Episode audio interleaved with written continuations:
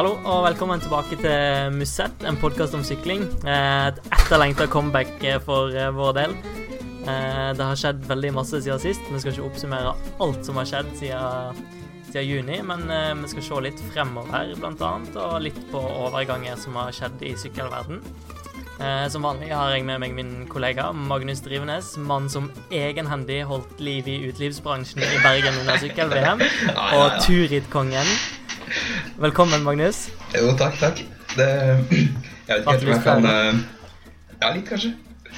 Jeg er ikke helt enig med deg der, eh, Knut. Bortsett fra det med. Er- det, det var fin. Ja, det er jeg sikkert enig. Mm. Eh, Espen er på Ikea i dag, så han har ikke mulighet til å være med oss. Men vi har fått eh, med oss eh, en annen kollega, Simon Nesler, som også skriver på procycling.no. Velkommen, Simon. Takk, takk. Viktig at Vestlandet Vestland er representert. Ja da. Nå, med to, altså, hadde Espen vært der, så hadde vi strengt tatt vært tre stykker fra Vestlandet. Ja. Men eh, Rogaland ja, men Vestland er jo det som dominerer i sykkelsporten alltid. Jeg tror ikke vi skal ta den øst mot vest-diskusjonen nå, men eh, vi er kanskje ikke helt på samme linje der, Simon. Kanskje. Eh, vi kan gå rett på sak, egentlig. Vi tenkte vi skulle snakke litt om uh, Tour de France uh, 2018 og ruta som ble sluppet 17. oktober. Eh, og jeg må si jeg syns det er kanskje den beste ruta på lang, lang tid. Eh, Simon, er du enig? Eh, Jeg syns den er spennende Det er er veldig, veldig variert. Eh, Absolutt av de bedre rutene vi har hatt de siste åra. Eh, De fortsetter eh, med det å få ned et par eh, nye stigninger, sånn som hadde Montuchat i, i år. Så har du f.eks.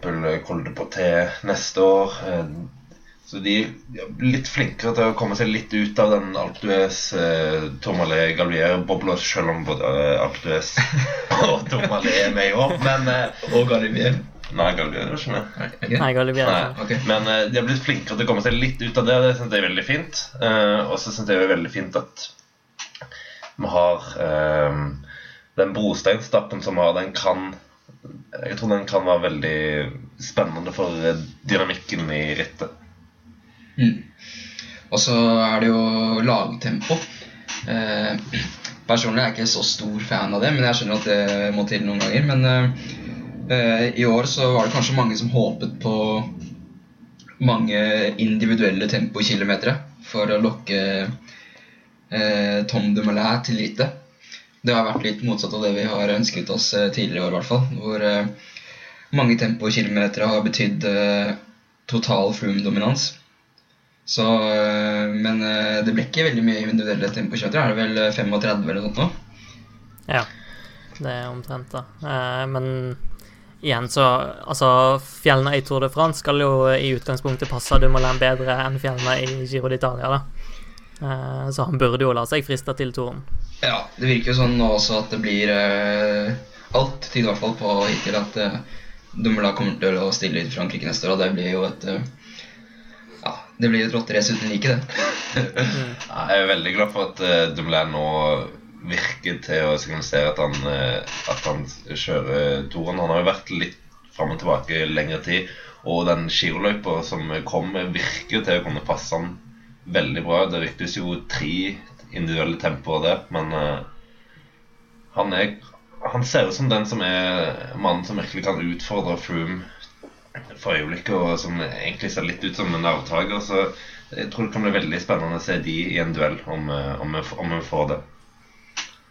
Ehm, så som du sa i sted, Simon, så er det veldig variert rute, da. Og det er veldig mye de skal gjennom før de kommer til fjellene. Uh, og det kommer til å være en, den som vinner i år, er en veldig god allrounder. Uh, starter ute på kysten i Vandé-området og skal gjennom en rekke etapper som er utsatt for, for vind, før de trekker innover eh, i landet via Mur de Bretagne bl.a. og til den brostensetappen i Robé. da. Og den, de første det er vel de første ni etappene der til eh, den niende etappen av til Roubaix. Det er ganske krevende, den første biten der. Ja, du har jo i tillegg til brosteinstappen så har du da Mur de Bretagne. og den eh, ganske kuperte eh, avslutningen på den Sjette etappen. Femte etappen. Femte etappen er det. Lorient til Quimper, Ja, ja, 203 ja. km. Det er en skikkelig high kjeft på de siste, de siste 100 km. Ja, litt, eh, litt som en av de etappene i Yorkshire hvor Nibali vant, men den er nok eh, litt lettere. Vel kanskje litt mer uh, Saga-mat, Ja. tenker jeg. Men eh, Det er lov å håpe på fyrverkeri, men jeg tror ikke vi skal forvente altfor mye av sammenlagtfavoritten her. Men det er mulig å, å gjøre det til et virkelig hardt ritt. altså for, sam for sammenlagtfavorittene er det fryktelig viktig det å, å komme seg gjennom den eh, fram til, fram til Robé-etappen. eh, At du kommer deg gjennom uten å måtte ligge på etterskudd der. Du har jo en lagtempo, så det vil jo være differanser, men uh, Brosteinstappen ble veldig spennende, for der kan du virkelig få differanser. Nå har de brosteinstappene i Tour de France siste år vært veldig varierende på om vi har fått uh, store avstander. Eh, noen har gitt veldig store utslag, noen har ikke gitt så ekstremt store utslag. Men det, en, jeg tror, det jeg tror alle egentlig håper på, er jo at denne etappen klarer å sette Froome i en posisjon hvor han må angripe, og hvor han ikke hele tida er i forskudd. Uh, og det håper jeg du kan få se i år. Altså, du hadde jo denne Når Nibali vant, så kom han ikke aldri seg til mål på den brosteinstappen, men uh, det, ble, ja, det ble spennende å se om, om noen klarer å komme i forskudd som gjør at du lokker Froome fram på en helt annen måte enn enn det du har sett de siste årene, hvor han stort sett har kontro kontrollert seg egentlig inn til seier, seirene sine. Og da Det er det det han har sagt, sagt i ettertid, at han har vært i en posisjon der han kan bare spille på de andre, og da har han gjort det. Um, I motsetning til første Tour de France-seieren han tok, da var han jo veldig på, veldig på offensiven der. Uh, men den brosteinsetappen i år er vel hakket hvassere enn de som har vært tidligere år.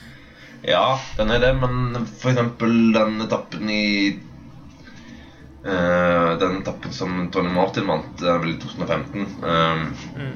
Der òg var det vel en 15 km brostein, sånn, tror jeg.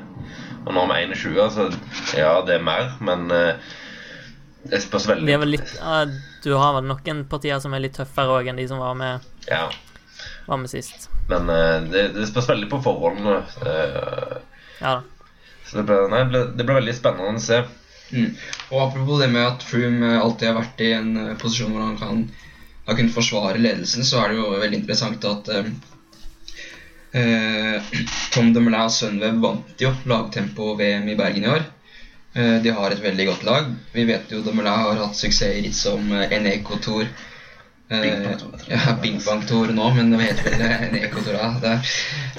Eh, og du har jo litt eh, etapper som kan minne om eh, terreng du finner her, da, med den femte etappen og også brosteinsetappen. Ja, altså Den åpningen er helt perfekt for Dumoulin. Altså, eneste han kunne håpet på, en, eh, en eh, prolog eller tempo som åpningsetappe, men ellers er det jo en ekstremt fin åpning for han. Og han har alle muligheter til å virkelig komme til, til fjellet med et veldig godt utgangspunkt. Mm. Mm. Og så et annet interessant aspekt med, med tanke på en tøffe første uke, er jo at det er færre ryttere på lagene neste år. Det er åtte ryttere i motsetning til ni. Du kan fort ende opp med å miste, miste noen på en brosteinsetappe, f.eks. Ja, det, det er absolutt en mulighet for det. Eh, Det er igjen avhengig veldig av forholdet. Eh, Men eh, de beste lagene, eh, type eh, Movistar, Sunweb og Sky, har, har i hvert fall gode nok ryttere til, til å håndtere det på en veldig god måte. Så jeg tror ikke, jeg tror ikke de har noe problem, men det, det er nok andre lag som er mye større Som er mye mer sårbare for, for det skiftet der. Mm. Absolutt. Eh, Sky klarte seg vel på sju ryttere til slutt i år, var det ikke sånn? Jo, det var vel noe sånt, og de var vel et, er det ett eller to år siden hvor eh, eh, en av rytterne deres veltet ut med en gang. Eh, så de måtte klare seg med åtte ryttere der òg, og det gikk helt fint. Ja. Så Nei, det er jo ingen tvil om at de er veldig sterke, men uh, hvis du plutselig mister to og er nede på seks kontra noen andre Ja. sine åtte, så begynner det fort å svi ganske bra. ja, i hvert fall hvis du skal forsvare noe, noe trøye i siste uken der. Ja, altså, Vi har jo sett at Sky har Når de har slitt, så er det jo når de har blitt eh, angrepet på alle kanter på, på uh, etapper med, med, med fjellene opp seg med en gang. Eh, flere eksempler på det. Den beste eksempelet er vel egentlig den etappen i Vøltan i, i fjor, den til Formigal, hvor Froome tapte Tapte sine sammenlagssjanser. Det er jo mulig å knekke det skylaget, men nei, det skal bli spennende. Ja. Er Godt poeng, det. Da var det jo også et mye svakere skylag enn det vi kommer til å se Ja, i Tour de, neste år. de klarer seg stort sett mye bedre Tour de France enn de klarer Vueltaen, men du har Og de siste årene har de stort sett klart seg fint. Du hadde jo den ene oh, Hva år ble det? Når eh, Dan Martin Jakob Fuglesang kom eh, sammen til mål i en tomannsspurt. Uh, Mm. fire-fem år siden. Da var jo Froome Ja. totalt isolert tidlig, men uh, laget hans er jo sterkere nå. Mm. Uh, etter den niende etappen til Robé, Brosens-etappen, så er det hviledag, og så er det rett inn i fjellene. Uh, tiende etappen mellom Annecy og Le Grand Bonan. Uh, blant annet over Col de la Croix Fry eh, og Col de la Colombiere, siste bakke, eller siste fjell, avslutta det som en utforkjøring. Eh, det er interessant der med brostein hviledag, og så rett inn i fjellene. Ja, det Du må absolutt øh, velge hva du gjør på den hviledagen med omhu. Det Og hvis, og hvis det har vært grisevær på den etappen, Brosteinsetappen, da kan det bli gøy. Ja, det det blir interessant, og så er det en ganske kul etappe, for så vidt. Det sier jo jeg, for at det er det eneste Fordi stedet i Frankrike før? Eller? Ja, det er det eneste stedet jeg har sykla i Frankrike. Så jeg kan anbefales det. Ja, det er vel òg der du har den eh, stigningen med, med, med grus, er det ikke det? Jo, jeg tror det stemmer. Er det det? Ja, jeg tror den andre Ja, stigningen Ja. Den er jo stygg. Seks kilometer med 11 Ja, den, den andre, andre stigningen. Jeg kan ikke prøve meg på utdannelsen, for det ser vanskelig ut. Men, eh, ja. nei, men eh, dagen etter Kvilla er alltid spennende. Det er jo noen rytter som uttalt har større problemer med det enn andre. Um, Thibaut Pinot er vel en som ofte sliter med det. Nå vet jeg ikke hans eh, planer for, eh, for neste år. Uh, sans, godt Blir fort, Det ble for turen pga. han tok skirenn i år, men jeg ville jo egentlig gått for skirenn i år òg. For jeg, klarer ikke se for meg at han har potensial til å vinne. Tour de France ennå. Mulig han blir inspirert av Varem Varen Bergil, men man skal i hvert fall ikke prøve seg på Giroen og Toren i samme år igjen. Nei, det, det er jo ingen som klarer det. Det tror jeg alle egentlig bare bør skrive. Jeg ser jo at eh, Froome eh, flørter litt med giroen nå, men det er, det, det er en lost case. Det er ingen som klarer det. Jeg tror, jeg tror ikke det er mulig Så jeg tror ikke Froome eh, Jeg tror ikke Froome prøver seg på den før han har blitt slått i toren. Nei, og hverf- jeg tror, han, jeg tror Froome er såpass lysten nå på å få den femte seieren og, og, og bli sammen i den femseiersklubben at uh, jeg kan ikke se for meg at han seriøst har et ønske om å prøve seg på, på giroen. Uh, Det er jo mye, alltid mye sånn snakk. Bardet òg flørta jo veldig med giroen i fjor uten at det ble noe av. Mm. Um, for en bolk med tre, tre fjelletapper der. Uh, 10., 11. og 12. Uh, den uh, 11. er til La Rosière. Den er bare 108 km. har fire, fire klatringer. Avsluttes opp uh, La Rosière, som er 17 km med 5,8 uh, En veldig kort og fin etappe som fort kan bli eksplosiv. Så har du jo dagen etterpå til Alp d'Huez, da, som er 175, så jeg kan Det er en seig bolk der. Absolutt. eh, Jeg tror jeg gleder meg veldig til de tre alpetappene. Eh, spesielt den eh, ellevte, da. Den med, som er bare 108 km lang. Mm. Jeg, det er jo ofte de som har vært de morsomste etappene, men det kommer en enda kortere etappe senere. Spørs om den kommer litt for tidlig til å bli så eksplosiv med kanskje vil den skal bli. Ja. Jo, men den var ikke så veldig mye Hva etappe var den eh, korte etappen i år? 12.-13? eller noe Nei, sånt? 17. Var det så sent? Oi, i år? Ja, den, Ja, det den, husker jeg ikke, husker eh, den som uh, Bagil vant. Nei, det husker jeg ikke. Jeg tror det var, det var Den kom relativt tidlig. Jeg kan ta og sjekke. Eh, men eh, ja, den ellevte etappen gleder jeg meg veldig til. Eh, den er bygd opp på en strålende måte, om jeg får si det sjøl. og jeg tror, jeg tror det er en mye mer spennende dag enn alt du er, som jo er litt lei av du er, for litt ærlig. Eh, litt sånn overhypp på stigning. Kontrær Den mening. den lever sjeldent opp til uh, myten.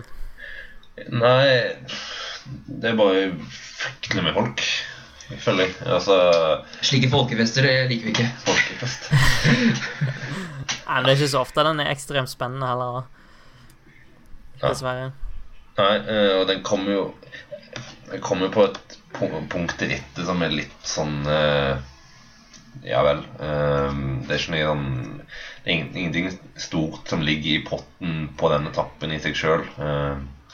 Ja, det er selvfølgelig en svært viktig etappe, men det kommer jo flere tøffe etapper etterpå, så det er jo ikke akkurat sånn at det, det er jo ikke akkurat slutt på fjelletappene.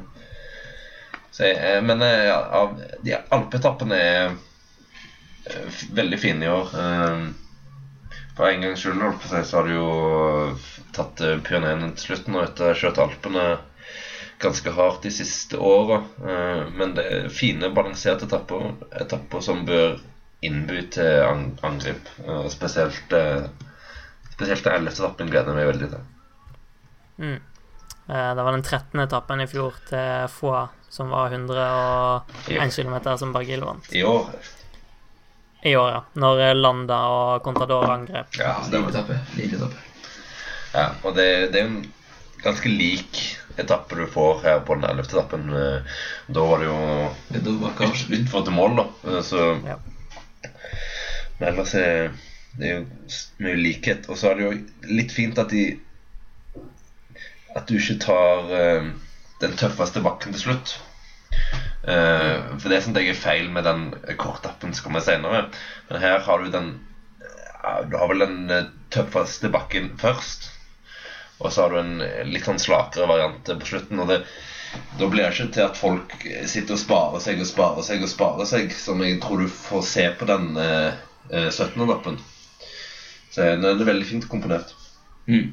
Mm. Og det, det som var med den øh, korte etappen i årets Tour de France, den hvor Bargil vant, så var det jo øh, den uh, nedoverbakke-avslutningen gjorde at øh, folk hadde tid til å De som hadde sluppet, de kom, det var noen som kom seg opp igjen, øh, til favorittgruppen også, og så ble det jo støtecup uten like.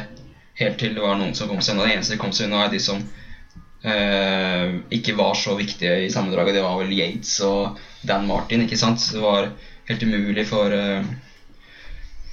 uh, Aro og gutta å få tid på Froome, da. For det, de ble alltid markert, og så var det Og det gir en helt annen dynamikk, da, i, på de etappene kontra de som har toppavslutning. Mm. Eh, Etter alpeetappen her så trekker vi nedover mot, uh, mot Pyreneene. Der kommer en, uh, en flat etappe på den 13. etappen, og så er det en eh, litt krevende etappe, den 14. etappen til Mand, eh, der de skal holde opp eh, Colilla de la Croix Nueve, eh, som de var opp i 2015 og 2010. 2015 da vant Steve Cummings, og i 2010 vant vel Rodriguez. Ja, stemmer det. Eh, den er ganske tøff. Den har skilt greit tidligere. Var det da Eh, Cummings kom eh, som en kanon? Ja. Pinot var det Ja. som Ja, okay, ja. eh, tuller på klubbet. Rota bort. Eh, men Contador tapte 20 sekunder der i, i 2015. Eh, Nibali tapte 30 sekunder til Froome, da. Uh, men så var det flere favoritter som gikk på, på en smell der. Så, og i 2010 tapte vel Andy Sleck ganske bra med tid òg, men jeg husker. Ja, altså, Ja. det, er, en- det er en veldig fin avslutning. Eh, Mm. Det er jo ikke akkurat Det er jo ikke der det, er ikke der det ble avgjort, eh, stort sett. Nei da, men, Men, eh, eh, du det- kan det- tape litt. eh, Men ja, det er en litt annen type avslutning enn det du har ellers. Du har litt den type i den første uka, der har du litt av de mer korte, bratte bakkene. Eh, men ellers så har du jo stort sett de lengre fjellene i Alpene og Pyreneene, så det er jo det er jo en liten en liten mix-up der som jo alltid er, alltid er fin, tenker jeg. Mm. Så er det um, videre inn i, i Pyreneene. Det er en, kupe, en uh, nykupert etappe dagen etter. Så er det hviledag, og så 16. etappen er det inn i fjellene igjen. Uh, det er en veldig lang etappe, 218 km mellom Carcassonne og Bagnes de Luchon. Uh, med to, to, tøffe avslutninger på, på slutten. det er ganske Nei, tre, tre, tre klatringer er det på slutten. Det er flatt i 150 km nesten, og så Så blir det skikkelig tøft mot slutten. Så det bråker litt i bakgrunnen her, så det er bare sønnen min som uh, driver og herjer litt. Uh, men i hvert fall, uh, tre tøffe stigninger der.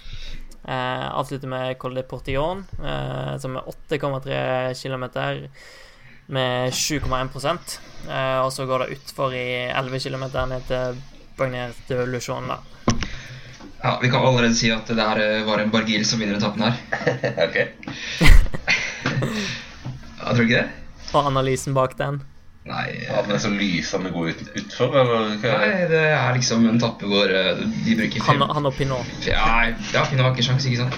Nei, nei, Bargil eh, han, han, kjører fra i siste bakken. De sitter i et brudd med de samme, samme 20 som alltid går i brudd på disse etappene, og så er det Bargil som er den vesentlig beste og vinner. Det er min uh, spådom, da. Min magefølelse. Nei, men det her var jo en, Det en, en fin etappe. En litt uh, ny bekjentskap av stigninger. Uh, og det eneste turen utenom, uh, utenom Frankrike, vel. Det er vel inne, inne, i Spania i et par mil. Ja. ja på Er ikke tempoetappen òg litt utafor? Jeg, Baskeland? Jeg trodde den var i den franske delen av Baskeland. Men uh... OK, da, da kan godt Ja, den er nok i den franske delen, ja. Mm. Jeg slett tenker på Baskeland som bare spansk, vet du. Ja, men det må du ikke ja. glemme, Ingrid. Ikke gå inn i fella. uh, men uh, fra 218 km på den 16. etappen til 65 på den 17. etappen uh, og det er vel den de fleste gleder seg til. Det er sjelden vi ser en så kort etappe i en Grand Tour. Ja, de fleste gleder, uh, gleder seg til den, men uh, Simon Jeg syns det, det, er mer show enn det er sport. 65 km, det, det Jeg syns det er litt feil. Det er for kort. Du, har, du kan ha tempo på omtrent akkurat samme distanse. Så skal du ha en fellesstart på 65 km. Du er ute og sykler i to timer. Det, det Jeg er ingen tilhenger av det. Eh, jeg syns ikke du skal Det er en økende trend nå disse årene med, med disse korte etappene, og ja, det blir ofte bra TV ut av det. Eh, men 65 km er for kort. Det bør, det bør ikke være om du går under 100, så skal du i hvert fall ikke gå under 90. Og 65 km, det, ja, det, det, er for kort. Nei, jeg syns altså, jeg, jeg er til dels enig. Uh, men jeg syns det er fint med en liten Altså ikke, ikke annenhver dag uh, veldig kort, veldig lang, da, men å ha korte innimellom kan være veldig bra. Ja, det, altså Korte etapper har, vært, har altså, vært, vært, en suksessfaktor de siste åra, men uh, du har den etappen på 108 km som eh, hvis du hadde lagt den inn for seks år siden, hadde du sagt wow, det var en ekstremt kort eh, etappe. Og, så, og Nå har utviklingen vært at det blir kortere og kortere, da, men nei, eh, det er nok med én av de etappene. Du trenger ikke to etapper som er sånne korte spurtfjelletapper. Nei, jeg syns det, det, bare er kult, ja, for da du, du, Det kommer til å bli helt bananas fra første meter. Du slipper det derre Nei, men jeg tror, ikke, du, du, jeg tror ikke det blir bananas. For du har den tøffeste stigningen til slutt. Du har altså 16 km, 8,7 Det, det er avslutningen. Ja. ja. Da, da, kommer ikke folk til å sprenge seg i første stigning. For vil jo, du vil jo spare til en så tøff stigning. Det ja, det er kanskje den tøffeste stigningen i hele rittet. Du befinner deg jo i en situasjon av uh, Tour de France. Du er godt inne i siste uka hvor folk må angripe. Hvor uh, folk må ta tid før tempoen. Ehm, det er, kommer til å være kamp om eh, klatrepoeng og klatretrøya. Det kommer til å bli, eh, det kommer til å bli helt fyrverkeri. Du kunne godt putta fem mil flatt altså, tidligere på etappen, men da, det eneste, eneste de hadde oppnådd, var at det hadde blitt ja, mye kjedeligere. Nå blir det jo, Når, når masteren går rett i bakken, så er det alltid noen som kommer til å sitte der med piggyband og kommer til å angripe.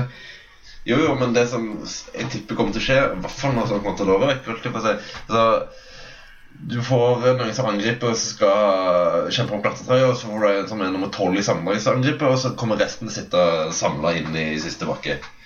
Det kan godt være at det er jeg, altså, jeg er ikke helt uenig at det kommer til å være samla inn i siste bakke. Men det, eh, det kommer ikke Jeg tviler på at det kommer til å bli så at eh, Sky bare sitter og mater hele, hele dagen.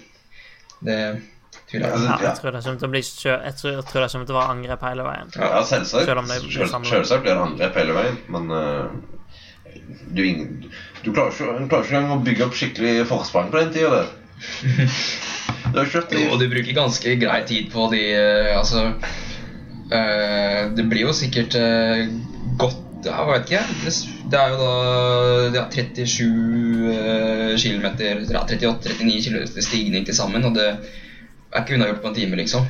Nei, nei, for alle. Men uh... Så det er ikke sånn at de hadde rukket å få noe mer forsprang ved å ha ti mil flatt før. Nei.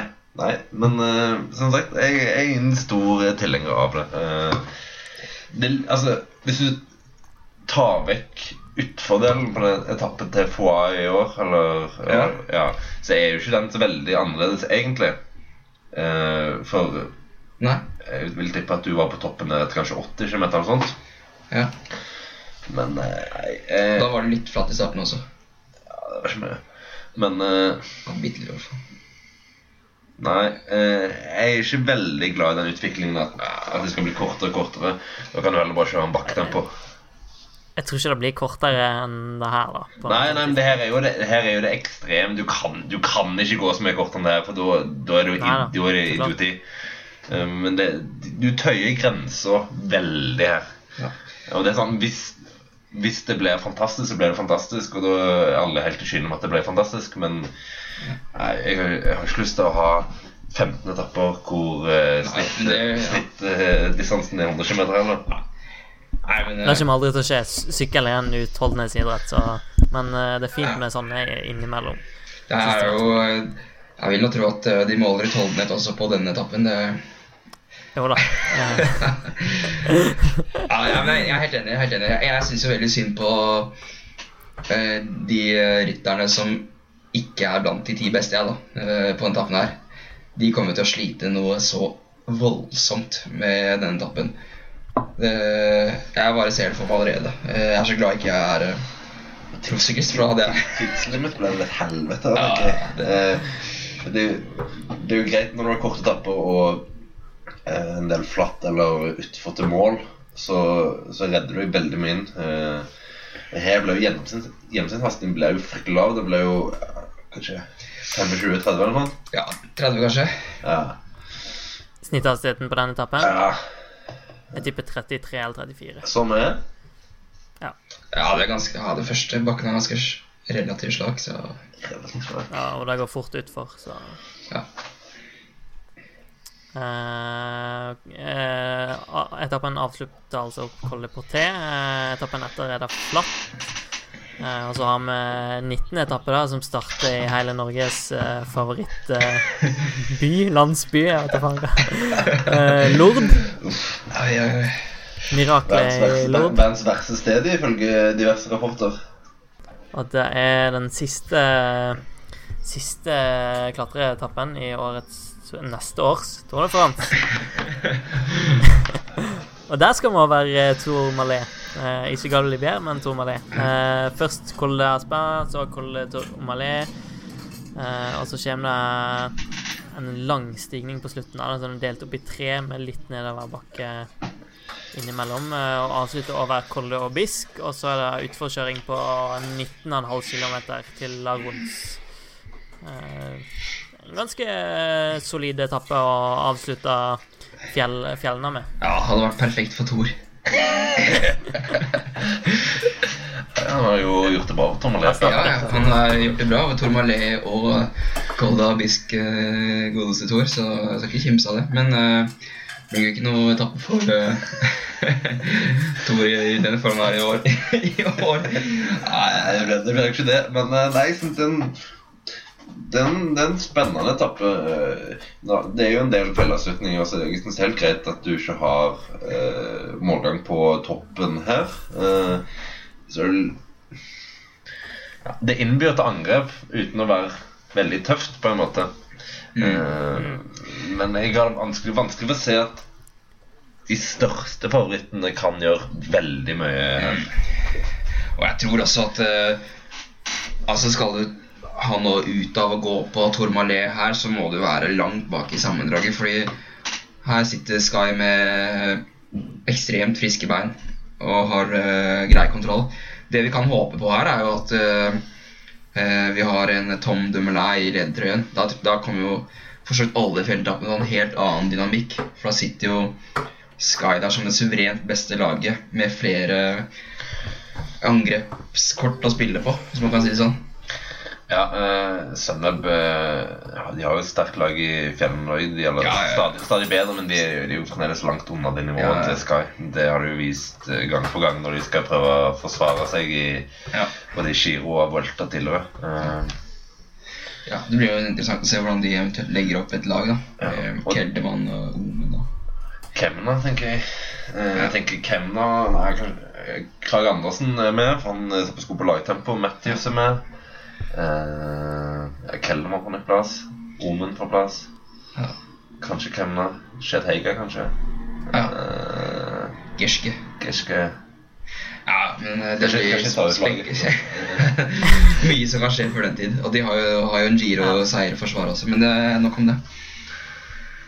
Ja, Dumoulin har jo litt eh, for vane å ikke være supersharp eh, på slutten av gangen Ja. onsdag. um, Og kan minne litt om den etappen han, eh, han eh, sprakk på i Vueltaen. Men eh, han er på et litt annet nivå nå enn det han var Ja. for et par år siden. Mm. Det er mulig å gjøre ganske masse skade der, da. Ja, Hvis, uh, hvis du virkelig går inn for det. ja. Men jeg frykter at eh, Ja, det, det som er fint, er jo at du har en såpass tøff stilling som Tomalé såpass tidlig, egentlig. For da, hvis det blir avstander, så er det muligheten til å virkelig øke de utover på etappen. Så du, du, Ja, du, har, du, har ikke råd, du har ikke råd til en dårlig dag. For å si det sånn da. Nei, det. Nei, altså En annen ting er jo hvis det, altså hvis det begynner å tynne seg ut i rekkene pga. velt og sykdom, og laget begynner å bli ganske slitent, så kan du fort bli isolert opp Tourmalet. Mm. Den er mer enn mer enn tøff nok til at du kan sitte igjen alene der. Mm. I, hvert fall Altså, Dumoulin har Altså Han har ikke et supersterkt lag rundt seg i fjellene. Eh, det er de det jeg nevnte, da, med eh, Tendam skal kanskje. Mm. Eh, Keldermann. Eh, de kan jo absolutt eh, klatre, de, men det er ikke, det er ikke Team Sky over det. Nei. Kel Keldermann kommer vel fort fra Giron òg, så du kan ikke Ja. vente at han er supersharp. Um, jeg er veldig spent på Samonen, da. for Jeg har Mm. vært en, holdt på å si, en stor tilhenger av han i, i flere år. Um, ja. Han kjørte vel ganske bra i Vueltaen, stemmer ikke? Jo. I flere år. Ja, han har dominerte jo i den Rogaland Grand Prix i 2011 eller noe sånt. og- Nei, Sam Omen kan ikke ha dominert i Rogaland Grand Prix 2011. Da var han 16 år. Nei, men eh, han, han har kjørt en del i, han har kjørt en del i Norge. da ok. Han har kjørt en del i Norge, det husker han litt derfor. Så jeg alltid syns han har vært en interessant type. Du som heller var litt tidligere. Eh, men eh, ja. Så jeg, jeg tror han, han har tatt fine steg i Sunweb, og jeg tror han kan ta ytterligere steg til neste og bli en skikkelig skikkelig viktig mann rundt uh, Tom Dumoulin. Mm.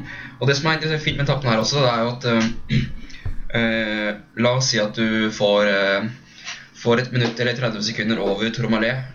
Så kan man jo ha hjelpere som venter, som har gått i tidligere brudd på dagen. Og da, de, da har du en ganske lang utforkjøring, litt flatt, som venter. Og så er, går det litt trappetrinn, så du kan ha stor stor nytte av å ha sterke hjelperyttere som ofrer seg eh, fram til eh, Abisk. da. Mm.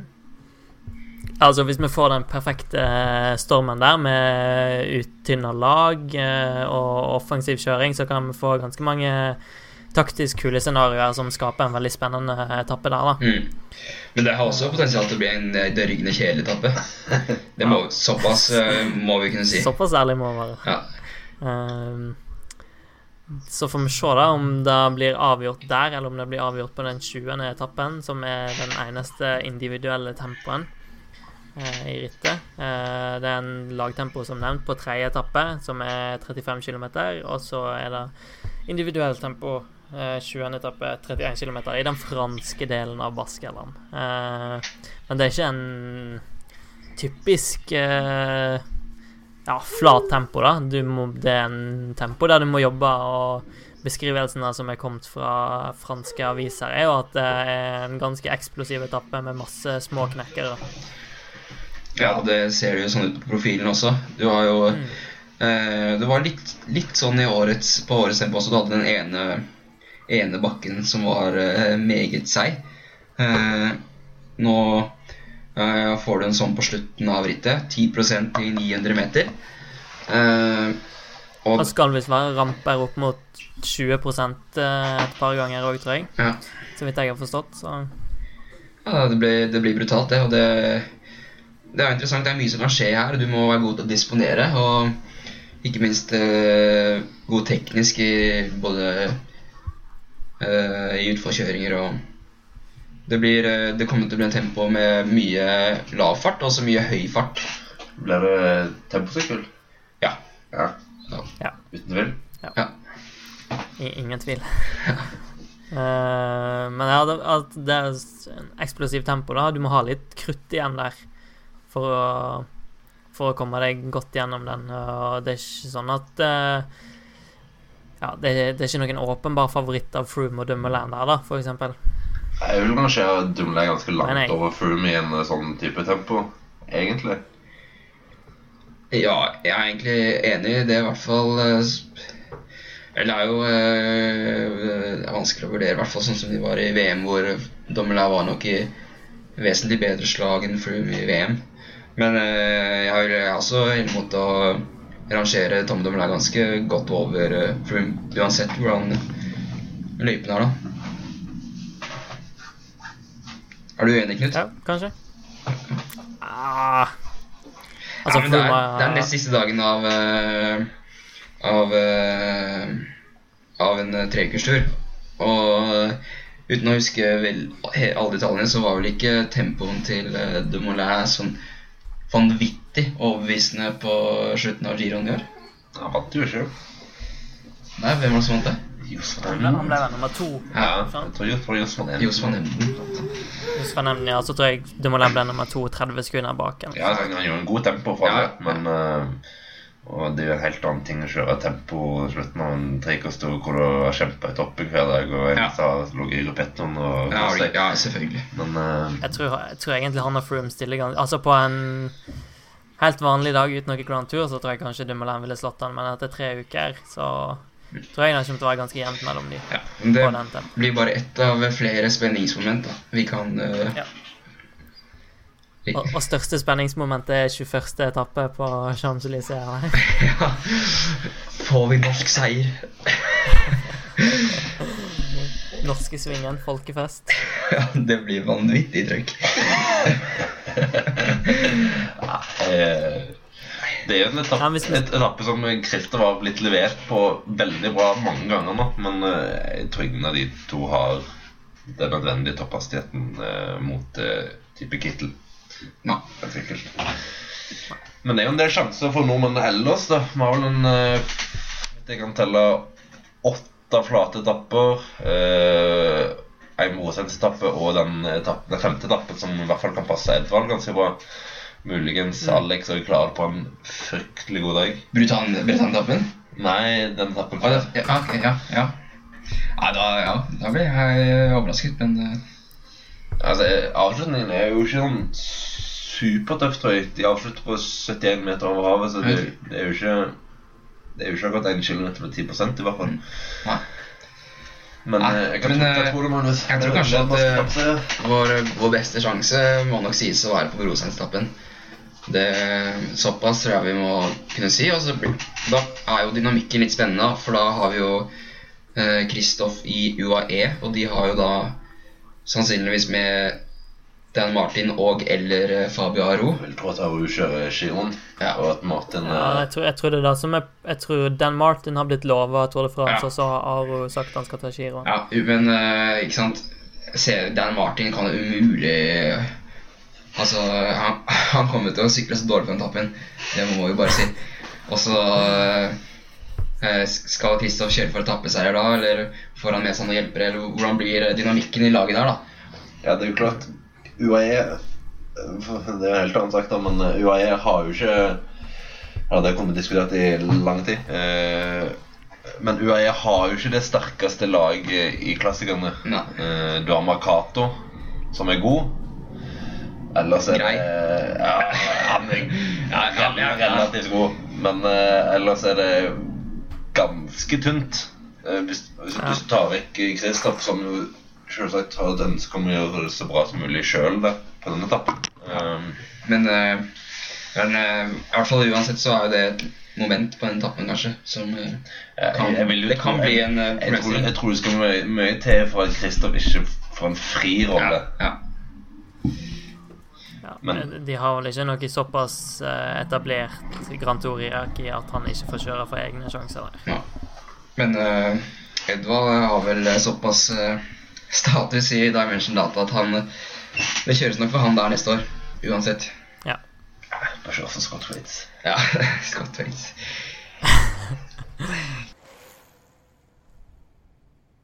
uh, skal vi hoppe videre og se litt på uh, overganger, da, kanskje? Uh, siste Der er jo Aro sin overgang til UAE Emirates. Ja, siste der er jo Kim Magnusson til Det Jeg synes det er litt synd at Gustav Høeg ikke fikk sjansen her. Uff. Men du trenger vel ikke være rakettforsker for å skjønne at eh, det Aro gjorde, var litt eh, uryddig. Jeg har ikke sett sånn med saken. Um, Han meldte overgang i midten av oktober, da. Ja. Ja, men jeg leste Leste intervju her i, i dag. Um, Ja. Hvor eh, agenten, tror jeg det var, eller Saronni, en av de, sa Ja, Saronni var det. uh, han sa at de hadde signert han i august. Uh, og jeg, jeg husker jeg snakket med, jeg snakket med Alex i forkant av, av Monsterland. Uh, og da sa han at Aru er på veien, men det er noe tull med papirene eller noe sånt.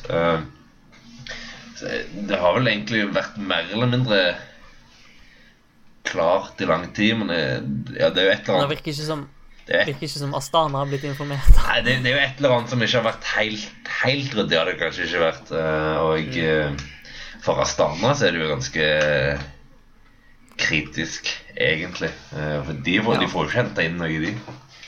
Nei, det er vel strengt at ingen har henta heller, så henta Contador tilbake fra ja.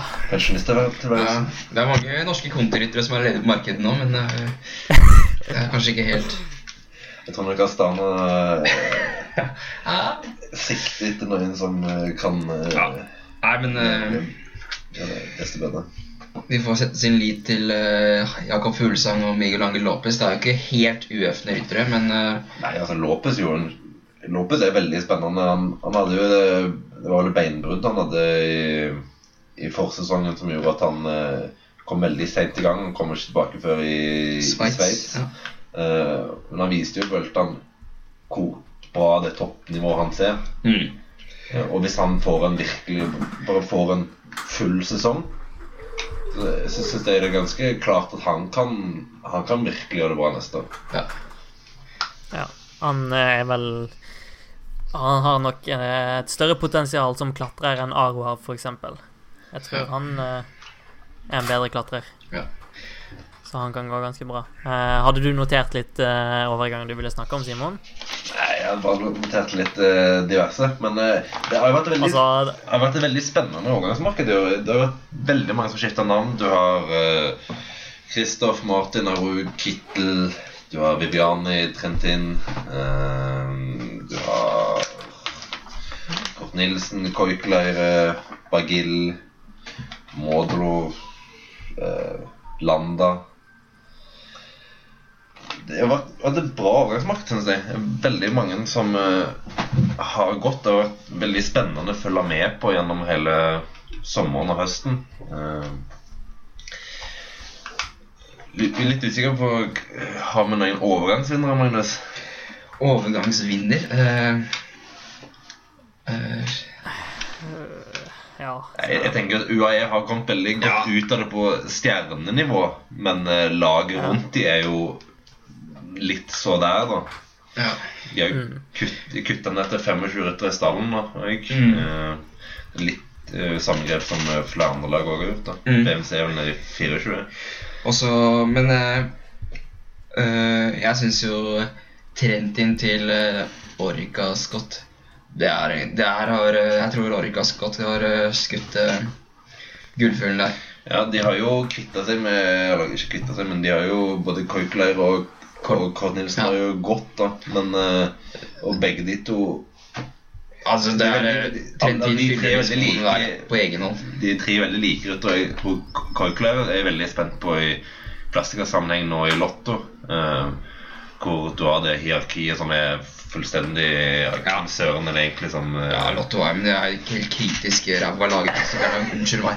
Men uh, du har jo uh, altså Matteo Trentin i Orica Scott. Nå får han kjøre for eh, helt egne sjanser, og eh, da tror jeg fort kan, han kan fort ende opp med å vinne et monument. han.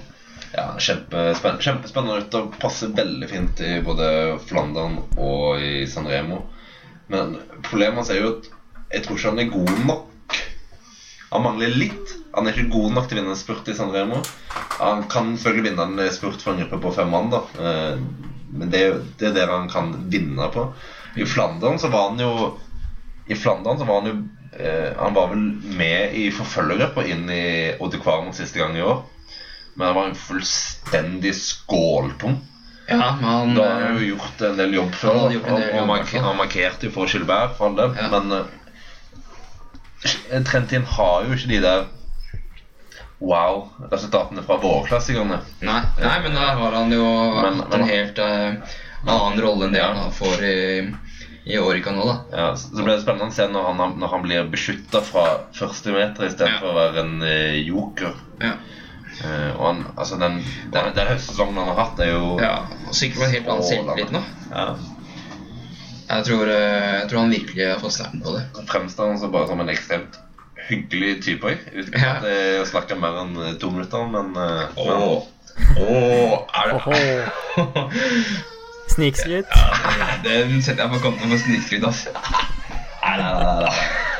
Han, han, Ja. altså, han Det er utvilsomt en potensiell eh, monumentvinner og, og seierssanker. Jeg tror du må ta smokken her, Knut. Ja, han ble litt irritert når han roa seg. Ja, bra. Uh, men hvis vi, altså, hvis vi snakker om overgangsvinnere uh, Team Sky med Halvorsen, eh, Ja. Sivakov og Egan eh, Arley Bernal. Eh, Lawless og ja. van Barle. Van Barle er en kjempesignering. Eh, og um, han eh, fra Quickstep, Den, den svir nok godt for uh, Cannondale Drapack, eller EF Education First, som det skal hete. Forward by Står. Drapek Kendall, eller hva sånn. Ja, Verdens det var- verste navn. Ja, men ja, uh, Van Barle er en Han er en klasserytter, rett og slett. Uh, han og van Marke gikk jo litt sånn oppi hverandre i, i Kendal. Eh, så jeg forstår at han ønsket å uh, gå til et annet lag, egentlig. Men han, uh, han dro jo på grunn av det uh, rotet som ble med Cannondale Draypack, da. ja. Han hadde ikke tid til å vente. Han hadde, han, han hadde, han hadde blitt Jeg tror Waters sa i en sak på Velo News at hadde EF Education First kommet inn 24 eller 48 timer tidligere, så hadde han blitt i laget. Mm. Nei, eh, så Altså, van Barland har jo tatt gode steg nå, eh, og han så egentlig bedre ut enn van Marke i årets eh, klassikersesong. Eh, Ja, men van Marke var vel eh, smått uheldig Ikke Van Marke på trynet i Flandern, da. Jo. Han brakk vel noen ribbein, eller brista noen ribbein eller noe sånt. nå. I hvert fall Jeg husker han i hvert fall ikke fra klassikersesongen. Han var jo positiv i omlopp, var det vel, da han ble Ble han to eller tre? I hvert fall sammen med van Amat og Sagan inn til mål. Eh, Men Men Van Barley Sky er spennende, da. De Ja. har litt de mangler kanskje den spydspissen uh, i klassikerlaget. ja, Når du Van Barley, så har du Roe, og så har du Standard. Moscon. Ja, Moscon er Alltid sympatisk eh, Gianni Moscon. Moscon er jo all del, årets unge rytter i Team Sky. for all del han, har, han har gjort sine feil. Ja. skal vi ikke dømme den der Reichenbach-saken, på det, Nei, men vi kan jo dømme andre ting. det er det umulig å si. Men eh, herregud, for en rytter han er, da. Ja, Det- Potensialet hans er så ekstremt høyt. Han, han er en rytter som kan vinne alle monumenter. ja, ja det er for så vidt. Jeg syns jo eh, nå, nå skal du være glad i hva Espen er. her. Han hadde jo eh, Bare se på han i år, da. Nummer fem i, fem i Robé og tre-fire i, Ja. i Lombardia. ja. ja det er Tre, tre i Lombardia. Tre Lombardia. Ja. Det er et potensial som er bare så ekstremt stort. Jeg håper jo bare at han går for klassikerne. For han har jo indikert at han også ønsker en Grand Tour-satsing. For du ser han, når du ser han i Welton, så ser du ja, den gutten der har jo potensial til å gjøre det bra, men jeg tror potensialet hans er så ekstremt mye større i klassikerne. ja. Ja, jeg, jeg, tror ikke, jeg tror ikke han er en han kan, Jeg tror han klarer topp ti i en Grand Tour, men jeg tror ikke han er noen vinner. Nei, jeg, jeg tenker han kan bli en Han kan bli en skikkelig stor stjerne hvis han satser på klassikerne. Så kan han bli en god sammenrytter hvis han satser på Grand Tour. Tenk så trist det blir neste år når Kwiatkowski og Gianni Moscon tauer i fjellene for eh, Team Sky. Tenk, tenk så trist. Men eh, apropos Moscon eh, Kurt Asle Arvesen fortalte vel på Euro, Eurosport-sending at eh, Moscon var litt sånn eh, amper-type. Ja. Ja, det? hvis du skal eh, se på de hendelsene som han eh, holdt på å si linka til, så høres det ut som en riktig beskrivelse. Ja. Det var vel eh, Kurt, sa vel et eller annet om at eh, det var et eller annet sånn i alla italiensk ritt hvor han hadde skjelt ut en uh, Hva var det, massør eller et eller annet noe hvor og Kurt hadde jo uh, snakket med noen som har sett hendelsen, og det var liksom alt var Moskvan sin skyld og var helt, helt på bærtur, da. Ja, jeg, altså, Moskvan han Jeg er ikke så fan av han, altså, Simon. Ja, det må jeg bare si. Altså, jeg, jeg skal være enig i at personen Moscon der vurderer jeg Trentin for det er sånn høyere. Ja. Men uh, rytteren Moscon, kun sykkelrytteren, han er, han er fantastisk. Du har ikke hatt to minutter med Gianni Moscon? Jeg har hatt fire minutter med Gianni Moscon. Hæ? Du har hatt fire? Fire minutter med Ja, du har det? Ja. Ja, sant det. Ja. Ja, fløy. Ja, på flere. Det er ikke verst, altså. Did you push uh, Rajan back? Ja, det var jo forkant, da. ja, sant det. Ja, sant. En, en, en annen italiener som er spennende årgang, er jo Bettiol, Alberto Bettiol, uh, som går til BMC. Uh, får vel en en løytnantrolle, da. Uh, for oss forsvinner jo igjen. Fryktelig mange italienere som uh, Ja. forsvinner. Holdt eller roterer på seg sjøl. Men uh, Bettiol jo en rytter jeg har veldig sansen for. Uh, har vært veldig god i alle nesten alle typer klassikere. Litt sånn Moscon light. ja det, det være sånn? det er light. Ja, det er light, men uh, en veldig spennende type. Ja. Og jeg, og jeg tror han kan ta veldig gode steg under van Avermat, hvor han kommer inn i litt mer vinnerkultur enn det du har i Kendal, som jo er Ja, det er helt det. fravær av akkurat det. Ja. Betty er jo har jo også en farlig avslutning. Ja, han er litt sånn eh, som kan plukke med seg mye topplasseringer. Sånn, havner i de riktige gruppene. Men eh, som spennende du sier også nevner Daniel Aas. Han er jo At han går til uh, Sagaen. Det er jo egentlig utrolig spennende, tenker jeg. Ja, Oss er jo en type som jeg bare har lengta etter og at han skulle At han skal få lov til å kjøre på egne sjanser en gang, men det virker ikke som han sjøl er egentlig så ekstremt gira på det. For han, han er jo en fantastisk type, syns jeg. Ja, altså jeg skriver på det. Han er en fantastisk type. Han har jo han har jeg da likt eh, et av mine Instagram-bilder, så det syns jeg Daniel Aas? Hæ, Daniel Aas, ja. Ikke verst. Nei.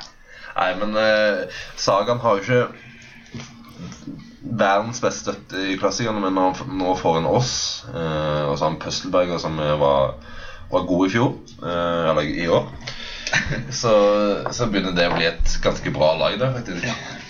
Sagan har jo vist at han ikke trenger helt det største laget rundt seg, men uansett interessant å se nå med såpass sterk rytter som Daniel Aas. Mm. Og Davide Formolo til uh, Bore Hansko òg er vanvittig spennende. Uh, Ivan Basso har vel lansert den som en fremtidig Grand Tour-vinner. Ja, enda en italiener. Ja, det... Nei, men eh, Formolo er fin. Uh, men framtidig Grand Tour-vinner. Jeg husker at Basso lanserte. Det var vel litt han vant den etappen i Giroen i 2015. 15, ja. Mm. Uh, han er jo en god rytter, men jeg tror nok, som Magnus sier, jeg tror ikke han Jeg tror ikke han vinner Grand Tour. Nei, men man skal ikke tro eh, på alt uh, Ivan Basso sier. Hva var det han, han sa? At uh, han prøvde bare å dope seg. Men han, han, han dopet seg aldri. Nei, han hadde bare planlagt. Ja, ok, ja. Planlagt, ja. Det han drømte for å ha planlagt dopa seg. Ja, Latterlig type. Mm. Nei, bare litt sympati med mannen. Litt sympati med mannen? Ja. Kreft. Ja, ja, ok. Ja, det, det jeg ingen. Vi har snakka litt om Landa til eh, Movistar. Eh, lite sjanser i Team Sky, sånn stikk til Movistar i stedet, der eh, Alejandro Valverde og Nairo Quintana er. Eh, og det har allerede vært litt sånn uttalelser frem og tilbake om eh, hierarkiet der allerede. Eh, jeg vet ikke om det er den mest mest fornuftige laget han har gått til?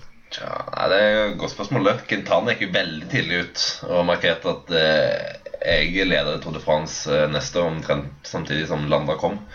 Eh, så det har vært litt eh, sjekling mellom de nå i, i lang tid. Og det, det naturlige for Landa er vel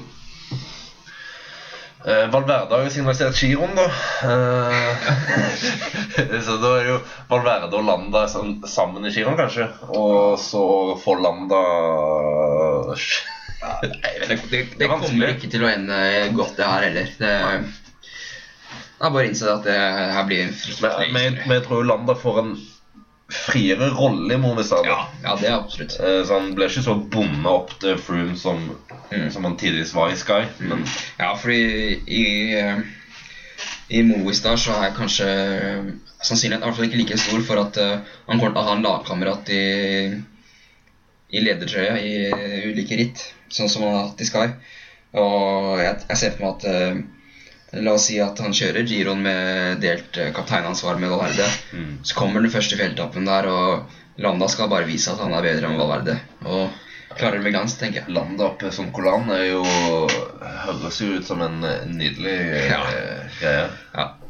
Nei uh... Det er vel først i Tour de France denne konflikten der kommer til å eskalere, om den gjør det, når uh ja. Altså som, som det sier, at Landa får en betydelig mye friere rolle i Movistar, der han er mer velkommen til å angripe.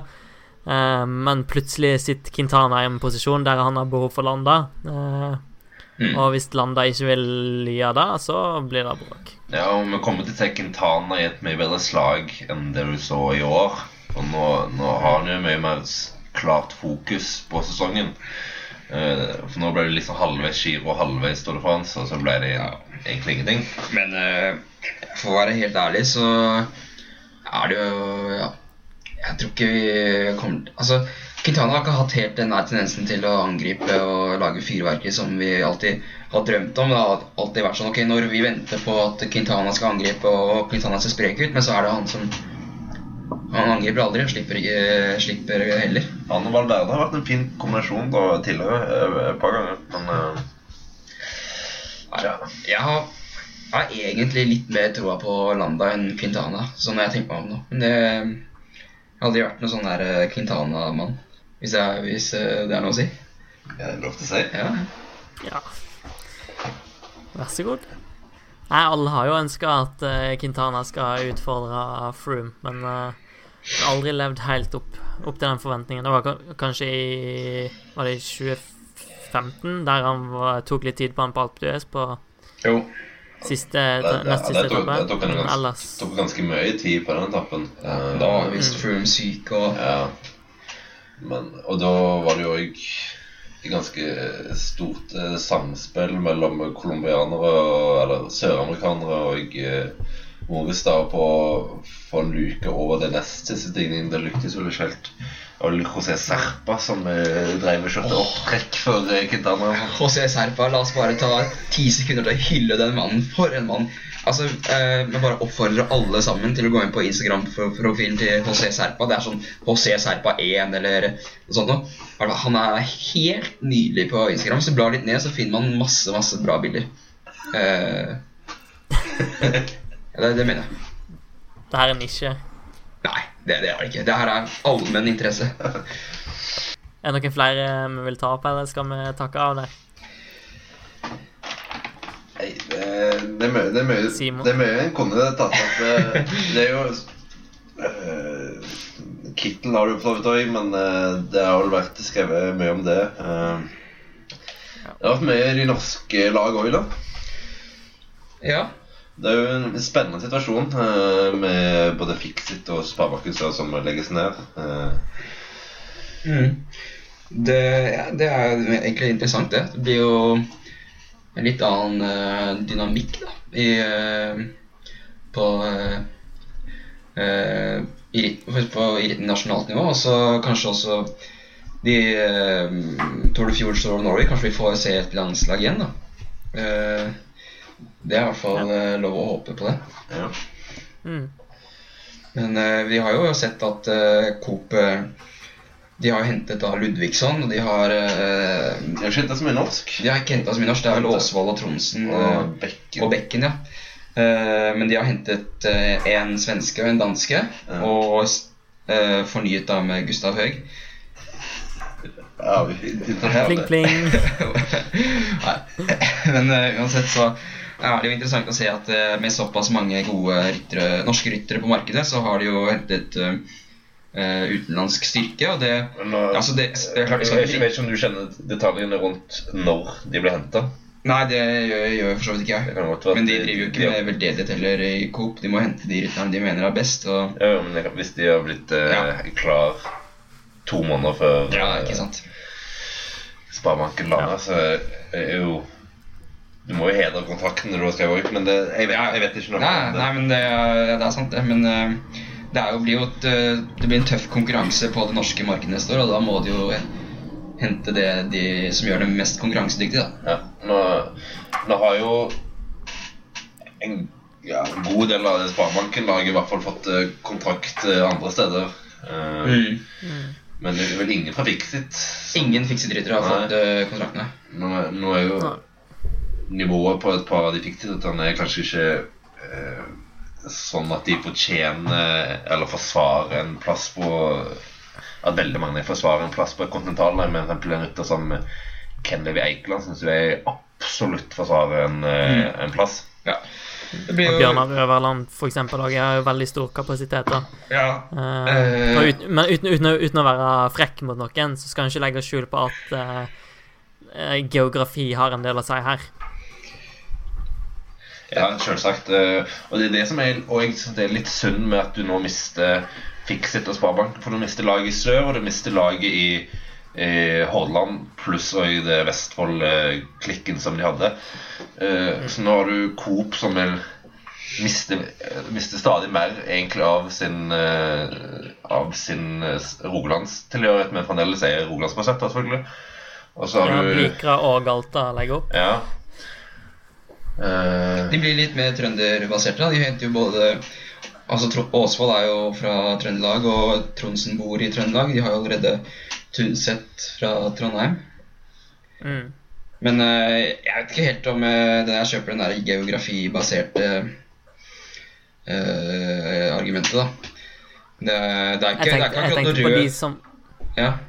Nei, jeg tenkte, jeg tenkte på de som lagene som er blitt lagt ned. At de Ja. har sykla ja, det er sant. Ja, ja det er for så vidt sant. Eh, Men det mest spennende som har skjedd på norske overgangsmarked, det er vel den dynamikken mellom Uno X og Joker, som vel slo ganske annerledes ut enn mange hadde sett for seg. Uh, Joker hadde vel litt inntrykk av at de nesten skulle være et feeder-team. Unox skulle være et feeder-team til de, men uh, de har gått litt egne veier. Ja, UnoX er så ekstremt spennende prosjekt. Mm. Si. Eh, mm. Vanskelig å si hvor de ender opp, men det, for norsk sykling så er de svært, svært, svært spennende. Mm.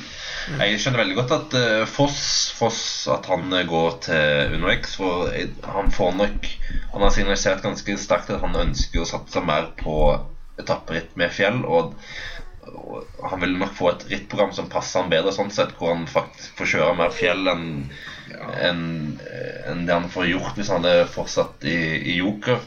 Skårseth er jo en ganske stor overraskelse at han, ja. at han gikk.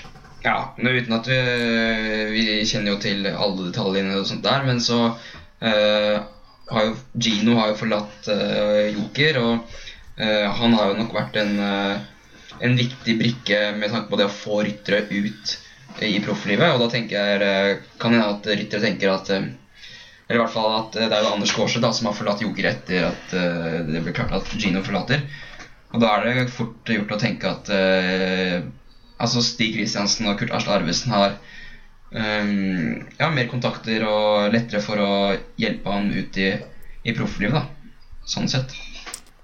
Men uh, Jeg skjønner argumentet til dels, men jeg kjøper det ikke helt. For når Gino er i Dimension Data, så har han ganske stor makt til å trekke ryttere inn dit. Ja, ja, men det er ikke sånn ja, jo, at... Og det, det er jo dit Skårseth var aktuell å dra òg. Ja, men det er ikke sånn at uh, Skårseth og Gino ikke er venner lenger. Uh, Håper jeg, da. Nei, men, nei, men, nei, men altså, poenget mitt var at selv om Gino stikker fra Joker, ja. så er fortsatt den linken til Gino der, og den er spesielt Den er ikke nok, nødvendigvis noe svakere med tanke på at Gino nå faktisk er sportsdirektør i et Nei. World Tour-lag. Nei, det er et godt poeng.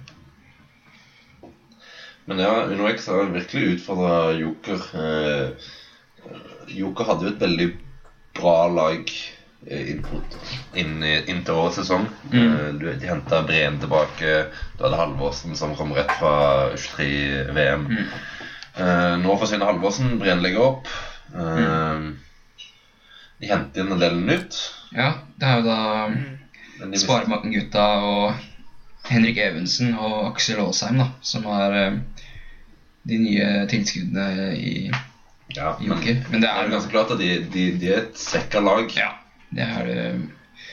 Ja, det er fortsatt ganske spennende lag. da Carl Fredrik Hagen og Andreas ja. Wangstad er jo store klatretalenter. Nei, men eh, Joker har jo et De begynner å få et erfarent lag nå. Mm. Um, og det er altså Vangstad og, og Hagen og Hoem og Holgård De er jo ikke akkurat 20 år.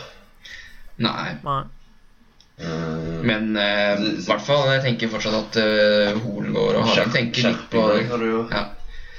Men uh, Hagen har jo tatt steg for steg for steg, og han kjører på en måte aktivt i finalene i, i på en måte i ja. belgiske sånt, som egentlig ikke er hans forse i det hele tatt. Ja, det, det sier jo litt om styrken han har. da Veldig mange røtter er veldig spennende fremdeles. Mm. Men de, de, de, er en alder nå hvor du virkelig kan forvente at nå, nå skal de prestere bra. Jevnt. Så Joka har jo et bra lag. Det er ikke tvil om at de har et bra lag, men uh, Ja, Det blir interessant å se hvordan uh, dynamikken blir neste Ja. Mm. Litt, en del ryttere som liker nå. Ja. Ja, i Joker tenker på? Ja, I Langstad, Hoem og Holgård og Hagen har du fire relativt like ryttere, ja. egentlig, i styrke. Ja. Så eh, mister jo litt den X-faktoren når Kristoffer eh, Halvorsen drar også, den spisskompetansen der.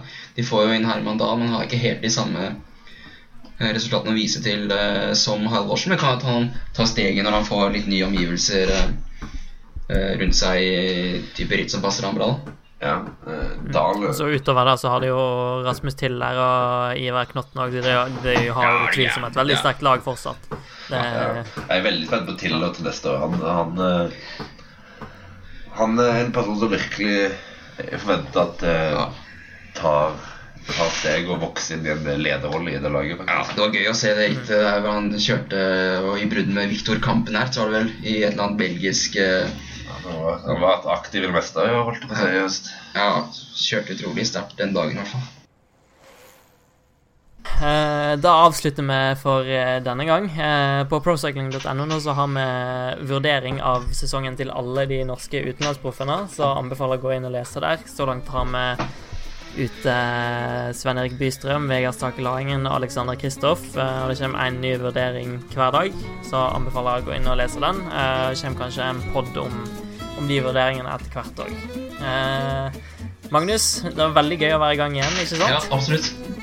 Meget Du eh, går gøy. og koser deg med sjokolade og Ja, ja, ja. nyte øyeblikket. Ja. Eh, Så òg veldig hyggelig å ha med deg, Simon. Håper du vil komme tilbake. Jo, igjen det. Eh, som eh, sagt, sjekk ut procycling.no. Eh, følg oss òg på Twitter og Facebook. Eh, Musett, en podkast om sykling. Eh, så snakkes vi snart igjen. Ha det bra. Hei da.